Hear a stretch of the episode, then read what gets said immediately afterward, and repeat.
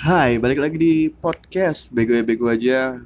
Episode ke-15 Episode yang bakalan mengawali bulan 5 kalian yes. Jadi kalau misalnya sudah kehabisan Podcast-podcast bagus untuk didengar. Kalau kalian ingin sesuatu yang dijadikan acuan Dijadikan contoh buruk Kalian bisa Bisa apa ya Bisa mampir ke podcast ini Nggak, tapi ini beneran. Eh gue bukannya untuk eh, pakai gimmick-gimmick merendahkan atau sok-sok apa ya, sok-sok lemah gitu. Enggak, ini beneran. Podcast ini menjadi contoh buruk dan dibuatnya juga niat gitu. Emang niatnya bener-bener supaya tidak diikuti gitu. eh ya seperti yang gue bilang kayak gimmick-gimmick tentang pesimisme eh, atau gimmicknya bodoh amat lah atau apa kayaknya udah terlalu sering, sudah terlalu mudah mungkin bakalan dirubah sedikit-sedikit. Jadi ya, mari kita eh, mari kita awali bulan 5 dengan sedikit demi sedikit perubahan. Oke. So, apa yang akan terjadi di bulan 5 ini? eh puasa ya, jelas puasa. Wah, gue nggak sabar. Eh, kalau misalnya beneran eh, kalau misalnya masih dikasih umur, gue sangat-sangat bersyukur eh, bisa ketemu bulan puasa lagi karena gimana ya? Eh, walaupun gue orangnya nggak religius religius religius amat, tapi ya minimal kalau puasa gue bisa full lah. Eh, eh kok nggak tahu pahalanya full atau tidak atau banyak eh, tid- banyak tidak kesempurnaan di dalam menjalankan ibadah puasa, tapi ya intinya harus puasa gitu. Eh, ya masalahnya gitu. gue baru kemarin baru dengar podcast siapa gitu bahas puasa lupa. Eh memang eh, ada dorongan-dorongan gitu ya. Dorongan-dorongan makin tua tuh kayak makin males puasa. Ya, ya nggak apa-apa itu wajar. Cuman itu bukan sesuatu yang harus dia apa ya, yang harus dikhawatirkan. Kenapa? Karena kita udah tua, udah tahu tanggung jawab masing-masing gitu kan. Eh, sudah tahu mana yang benar mana yang salah. Intinya simpelnya gini aja ya lu mau apa pun beban lu mau mau gimana pun eh apa ya pergolakan dilema dalam hati. Ya intinya kalau lu nggak puasa di bulan di bulan Ramadan ya dosa udah itu.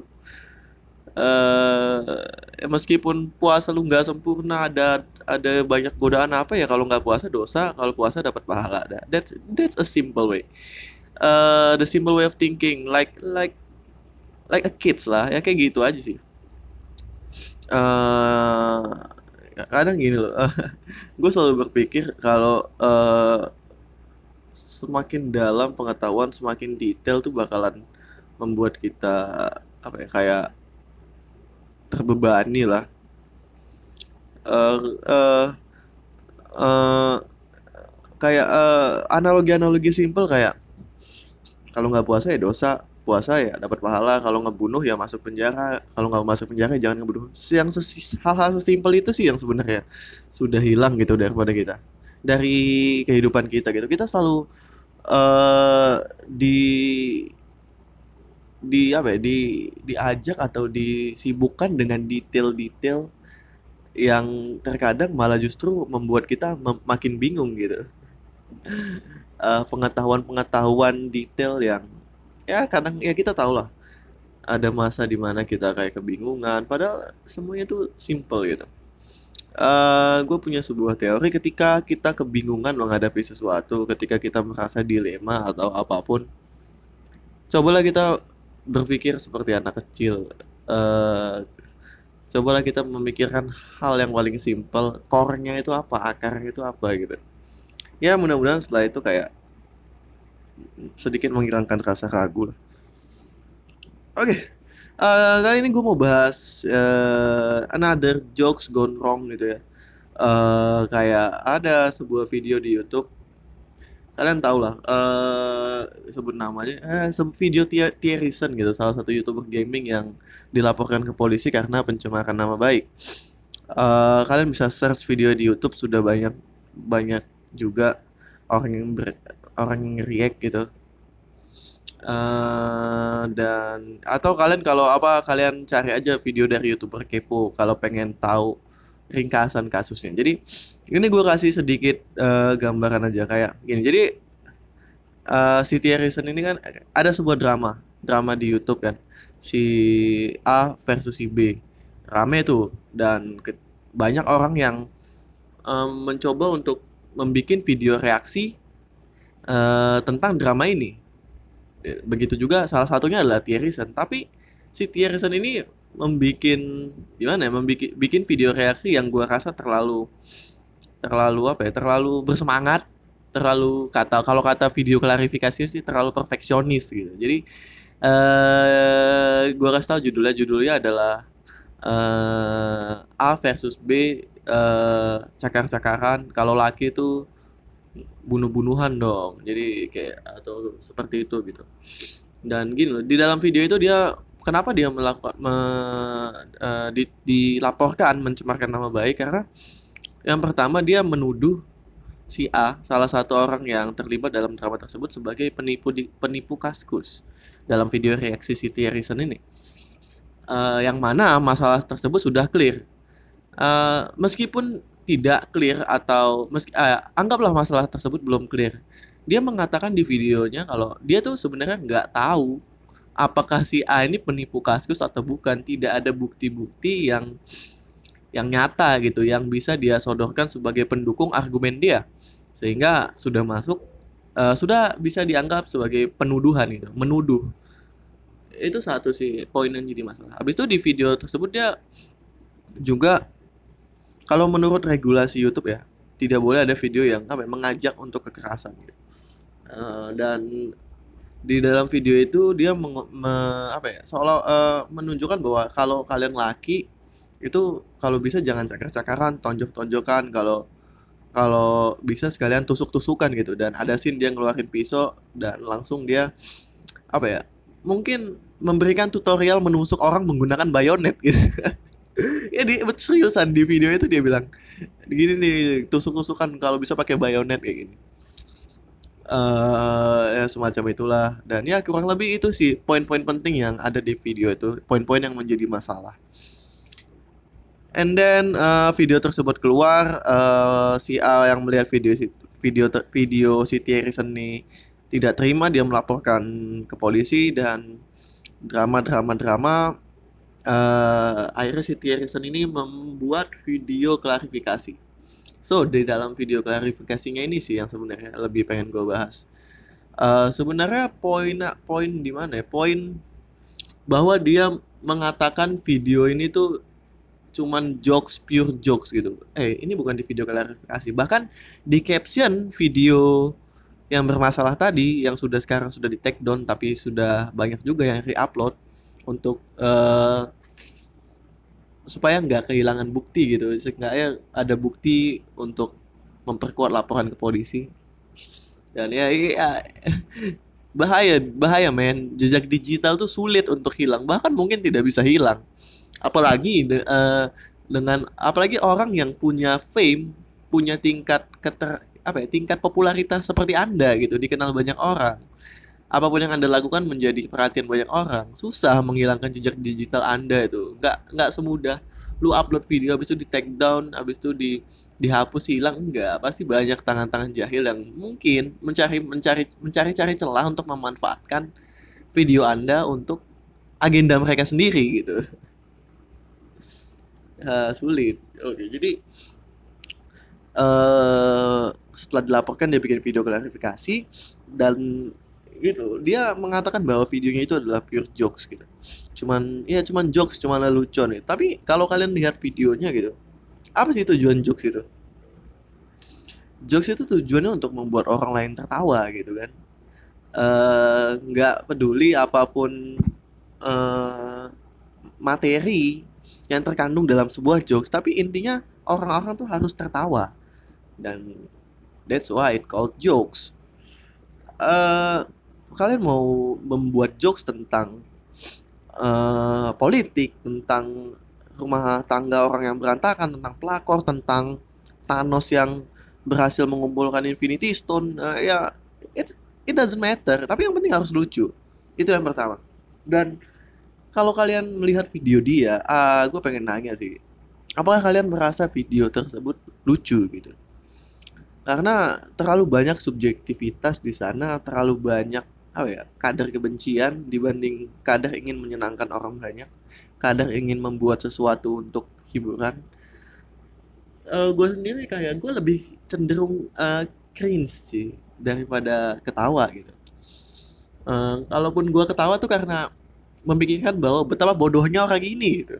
Apakah dia tidak tahu apa yang dilakukan itu sangat-sangat apa ya sangat-sangat sensitif gitu apakah dia tidak tahu kalau UU ITE itu sudah berhasil memenjarakan beberapa orang?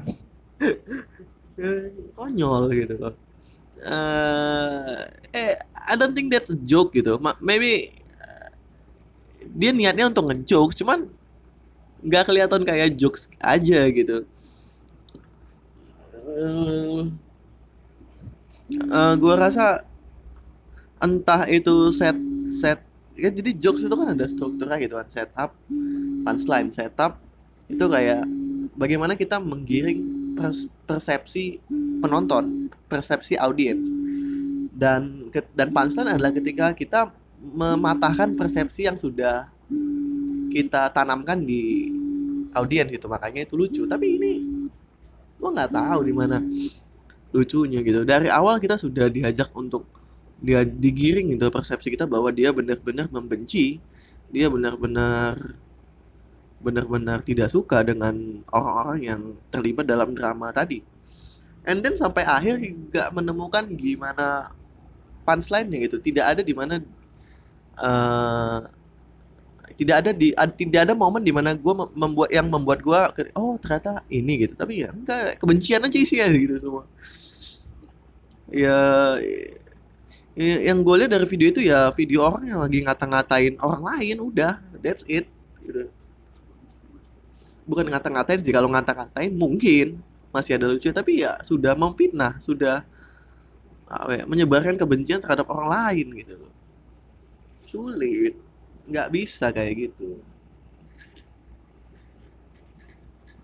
Inilah kenapa uh, eh, gue bilang tuh topiknya adalah jokes gone wrong gitu Oke, okay, mari kita anggap video dia itu adalah sebuah jokes, sebuah lelucon. Kalau kita kutip kata-kata dia pure jokes gitu. Aduh anjing, ntar, ntar. Rokok gua ketuker. Uh, ya, mari kita anggaplah video Siti Harrison tadi adalah pure jokes. Uh, un, apakah menurut kalian uh, wajar gitu. Jokes tersebut dipublish seperti itu. Yang mana menurut analisis gua yang sotoy uh, ini uh, Siti Harrison ini kan punya 200 ribu subscriber YouTube ya. Dia adalah youtuber gaming yang biasa ya kalian tahu lah youtuber gaming bagaimana uh, tipenya seperti apa. Dan gue yakin sebagian besar atau banyak penonton dia tuh yang masih di bawah umur yang masih sulit untuk apa ya menerima jokes-jokes yang seperti ini gitu. Dengan uh, gue yakin Harrison pasti tahu lah demografi penonton dia. So, uh, itu range umurnya berapa? Apakah masih pantas dia memposting video itu video yang katanya jokes itu yang katanya lelucon itu di channel YouTube-nya gitu uh, menurut kalian pantas atau tidak? Gue sih nggak mau ngejudge gitu ya. Uh, tapi gue rasa aneh aja sih. Untuk uh,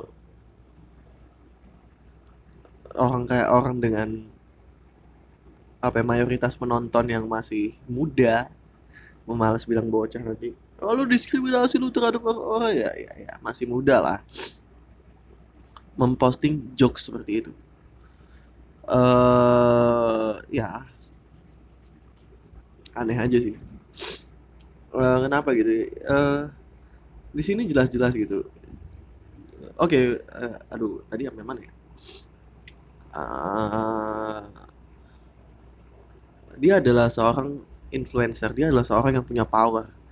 Dia dia bisa menginspirasi banyak orang lewat sana dan itu yang mengapa kayak uh, fame itu fame itu kayak adalah sebuah power gitu ya. Orang yang punya fame dia punya kekuatan untuk menggerakkan orang lain. Itu itu kenapa disebut influencer orang yang menginfluence orang lain.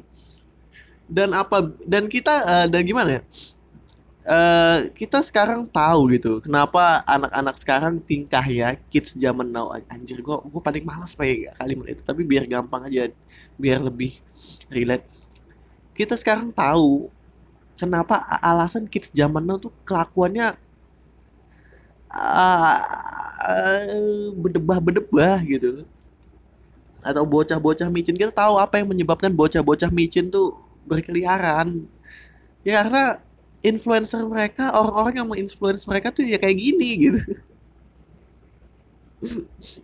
Ya jadi ya wajar lah. Jadi bukan sesuatu yang harus uh, kita apa ya, kita kagetkan lagi kenapa fenomena anak-anak dengan tingkah yang extraordinary ya dalam tanda kutip bermunculan di mana-mana. Karena ya memang tipikal-tipikal influencer, tipikal-tipikal orang yang menginspirasi mereka adalah yang seperti ini gitu. Iya. Lucu gitu kan. Uh, Oke, okay, balik lagi soal jokes tadi. Uh, kita kan lagi menganggap video si Thierry itu sebagai jokes gitu ya meskipun tidak ada lucu-lucunya kenapa jokes itu bisa apa ya atau lelucon bisa mem, bisa seperti ini gitu bisa uh, kepleset seperti ini sehingga menyebabkan orang yang membuat lelucon tersebut uh, dipolisikan ya kita anggap dipolisikan dipolisikan aja lah sebagai sebagai uh, skenario terburuk untuk orang untuk para pembuat jokes. Oke, okay. yang pertama jokes itu adalah seni. Ini disclaimer dulu ya. Ini soto-sotoyan gue aja. Gue nggak, gue gue nggak tahu teknik-teknik stand up comedy. Gue nggak tahu bagaimana menulis jokes yang lucu. Gue nggak tahu uh, atau apa pun. Gue cuman penonton. Uh, gue cuman orang yang menikmati saja. Jadi kalau ada salah maaf ini ya ini soto-sotoyan gue juga yang pertama jokes itu adalah seni mungkin jokes bisa dikategorikan seni gitu dan seni itu identik dengan kebebasan kebebasan dalam arti semua orang bebas mengekspresikan semua yang uh, semua orang bebas mengekspresikan apa yang mereka rasakan apa yang mereka pikirkan apa yang mereka ingin ciptakan ke dalam seni mereka. Itu satu. Dan begitu juga dengan jokes. Orang-orang boleh bikin jokes tentang apa pun dan bikin jokes uh, yang kandungannya tuh materi apa pun. Seperti yang tadi gue bilang politik uh, agama isu isu sara uh, gender LGBT uh, drama rumah tangga apa pun itu boleh semua bebas uh, tapi yang jadi masalah adalah ketika jokes dengan isu-isu sensitif tadi jokes dengan dengan ya materi-materi yang mungkin kurang masih tabu di masyarakat gitu. Di mana jokes ini akan diposting gitu? Atau di mana jokes ini akan dipertunjukkan di publish ya gini ini nih yang apa jadi masalahnya adalah bukan bukan jokes tersebut terdiri dari materi-materi yang seperti apa tapi jokes tersebut dipostingnya di mana dipublishnya di mana gitu loh nah Nah, udah ngerti kan? Nah, itulah mengapa ada ada alasan uh, kita tahu stand up stand up komedian, acara-acara TV, uh, eh, acara-acara lelucon atau macam-macam itu ada. Itu berbayar berbayar dan ada restrictednya. Ada batasan umur. Supaya apa? Supaya untuk memfilter agar orang-orang yang mendengarkan jokes dengan dengan isu-isu sensitif ini bisa paham bahwa itu cuman jokes itu cuman lucu jadi apa yang dibahas di tempat pertunjukan apa yang dibahas di sana ya berakhir di sana. Dan kan uh, restricted ini apa ya? Di tujuannya untuk apa ya? Supaya uh, orang-orang yang datang tuh dianggap sudah uh, umur 18 ke atas ini kan dianggap sudah orang-orang yang sudah punya pemikiran yang lebih dewasa walaupun kenyataannya tidak begitu gitu. Orang-orang yang sudah mengetahui mana yang benar, mana yang salah, mana yang jokes, mana yang serius gitu.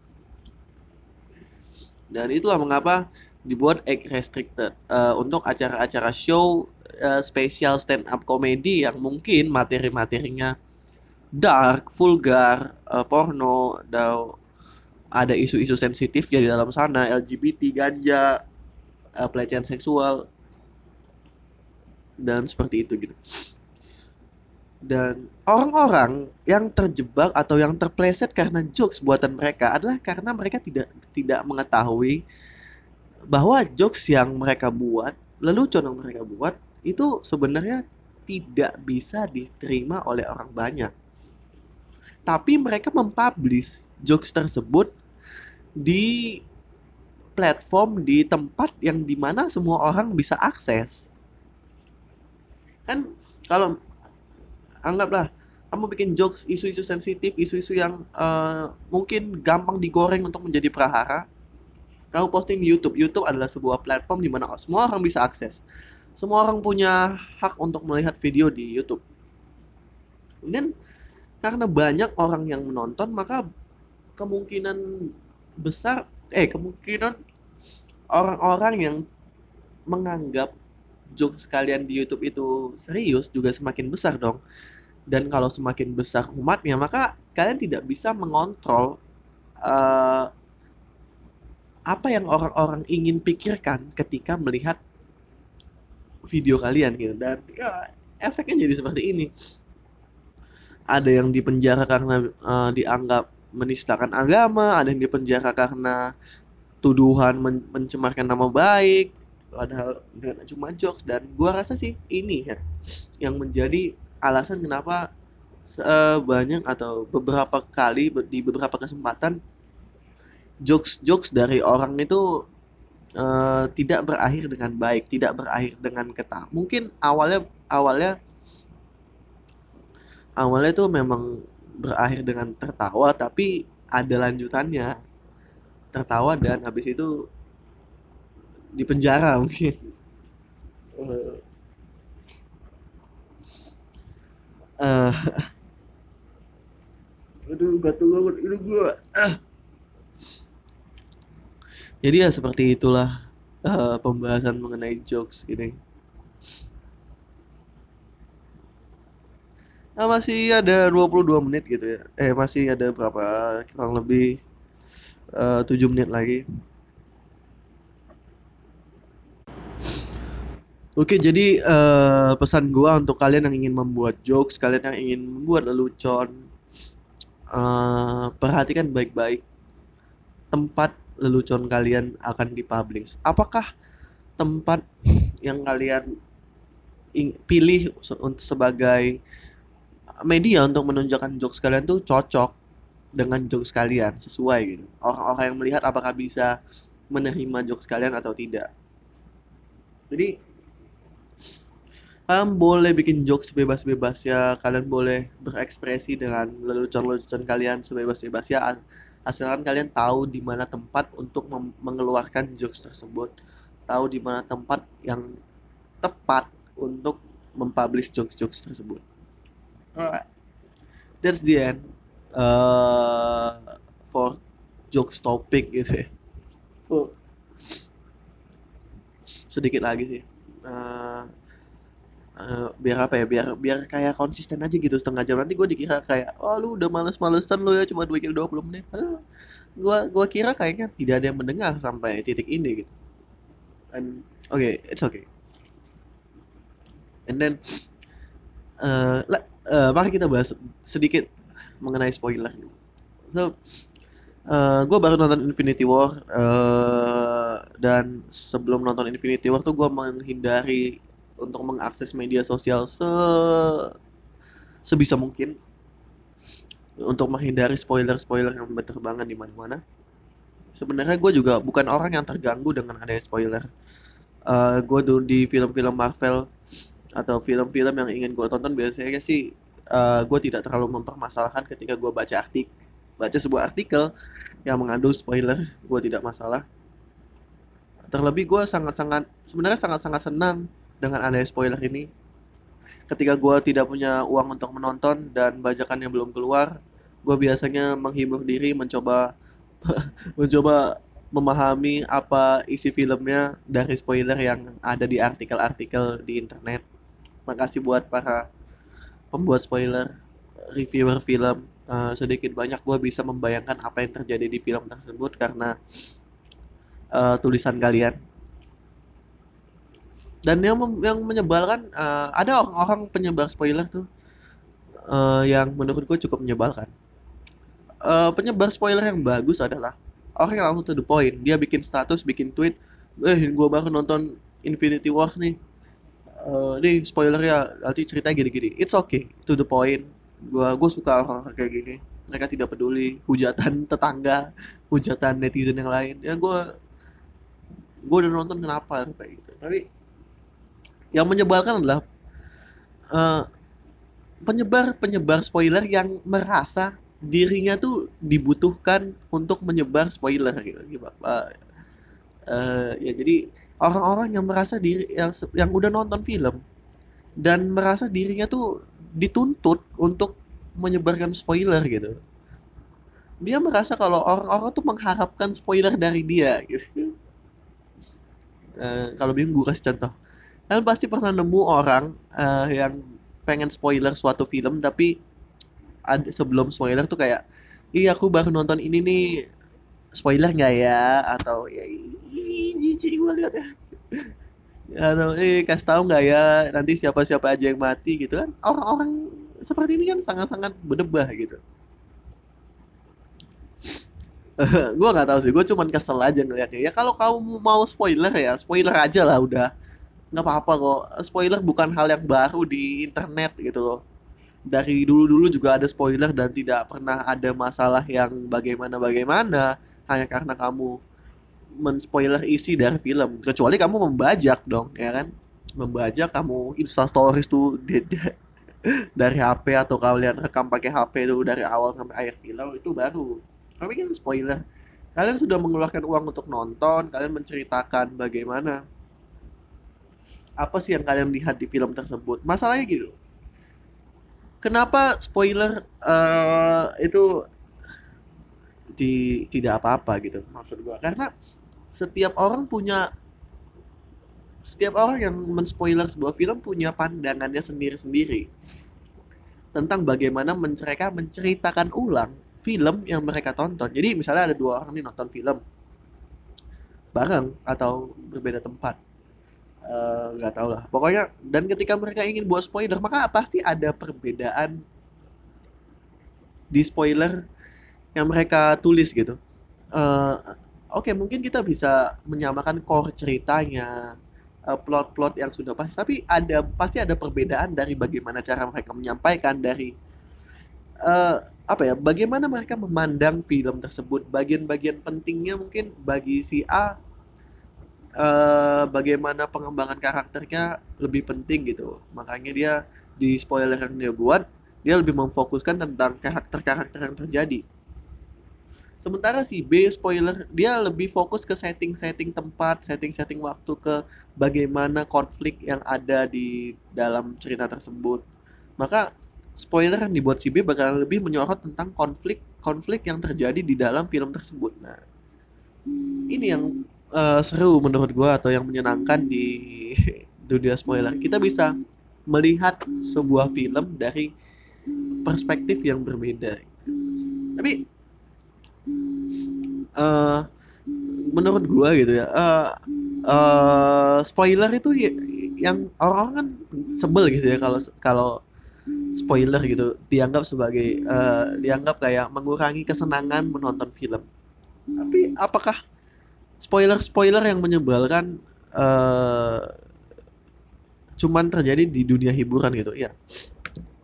Ya gue rasa spoiler-spoiler tuh yang yang orang yang bikin orang-orang kesel tuh cuman uh, terjadi kalau berkaitan dengan dunia-dunia hiburan. Contohnya buku anime series film stand up atau apa pun itu. Tapi gue yakin gitu emang karena tapi uh, kalau di di ranah yang lain gitu spoiler tuh tidak terlalu bermasalah apa kalian pernah lihat gitu ada orang yang kesel karena karena dapat spoiler soal-soal untuk ujian gitu? Kan nggak ada gitu. Di suatu kelas gitu kan ada yang datang woi woi woi gue punya apa nih spoiler soal ujian untuk ujian nanti kelas jam 12 baru yang lain pada marah gitu lu nggak asik lu lu maksudnya apaan spoiler ujian di kelas? Lu mau bikin uh, uh, usaha kita belajar tidak menyenangkan lagi lu pengen bikin ujian ini jadi lebih mudah lu pikir ini main-main apa? Kan nggak mungkin gitu. Orang-orang cenderung senang gitu kalau dapat spoiler soal ujian sehingga mereka bisa belajar lebih detail lebih lebih spesifik mempelajari soal-soal yang tadi gitu. Dan orang juga pasti bakalan apa ya seneng sama spoiler spoiler kayak uh, kapan gaji bakal keluar uh, spoiler tentang siapa yang naik pangkat bulan ini atau tidak gitu. Dan yang menyebalkan makanya cuma spoiler spoiler di dunia hiburan aja gitu. Gue nggak tahu sih tapi itu menurut gue aja ya. Jadi ya intinya uh, kalau mau bikin spoiler ya bikin aja lah spoiler. Nggak usah kayak merasa di diharapkan banget gitu untuk bikin spoiler. Spoiler tuh nggak apa-apa. Spoiler mungkin salah satu budaya di internet ya. Sudah sudah aja sudah ada sejak dulu itu spoiler. Memang mungkin tidak apa ya, tidak tidak etis. Tapi ya mau bagaimana lagi it's internet. Sangat susah mengontrol para penghuni-penghuni di internet gitu. Uh, ya ibaratnya internet adalah tempat adalah sebuah negara satu negara yang sangat besar gitu susah untuk mengontrol Oke, itu aja untuk episode kali ini. Makasih buat udah dengerin. Makasih yang sudah sampai sejauh ini bersama-sama dengan saya, bersama-sama dengan host yang tidak terlalu gimana-gimana ini. Waduh, kan sudah ingin menghilangkan pesimisme, tapi ya, makasih lah. And uh, semoga harapan-harapan kalian untuk bulan 5 ini tercapai semua uh, semoga konsistensinya semakin baik semoga makin bisa gue masih makin bisa improve di episode episode selanjutnya. Kalau ada kritik dan saran kalian bisa email di podcastbb@gmail.com atau kalau pengen nge gue di twitter @gifariguntur ghi semua udah ada di bio soundcloud gue uh, ya itu aja. Kalau ada yang mau ditanya-tanya langsung kolom komentar. So seperti biasa Nama gue Givari Guntur, I'm signing out. Kalau bego ya, bego aja. Bye.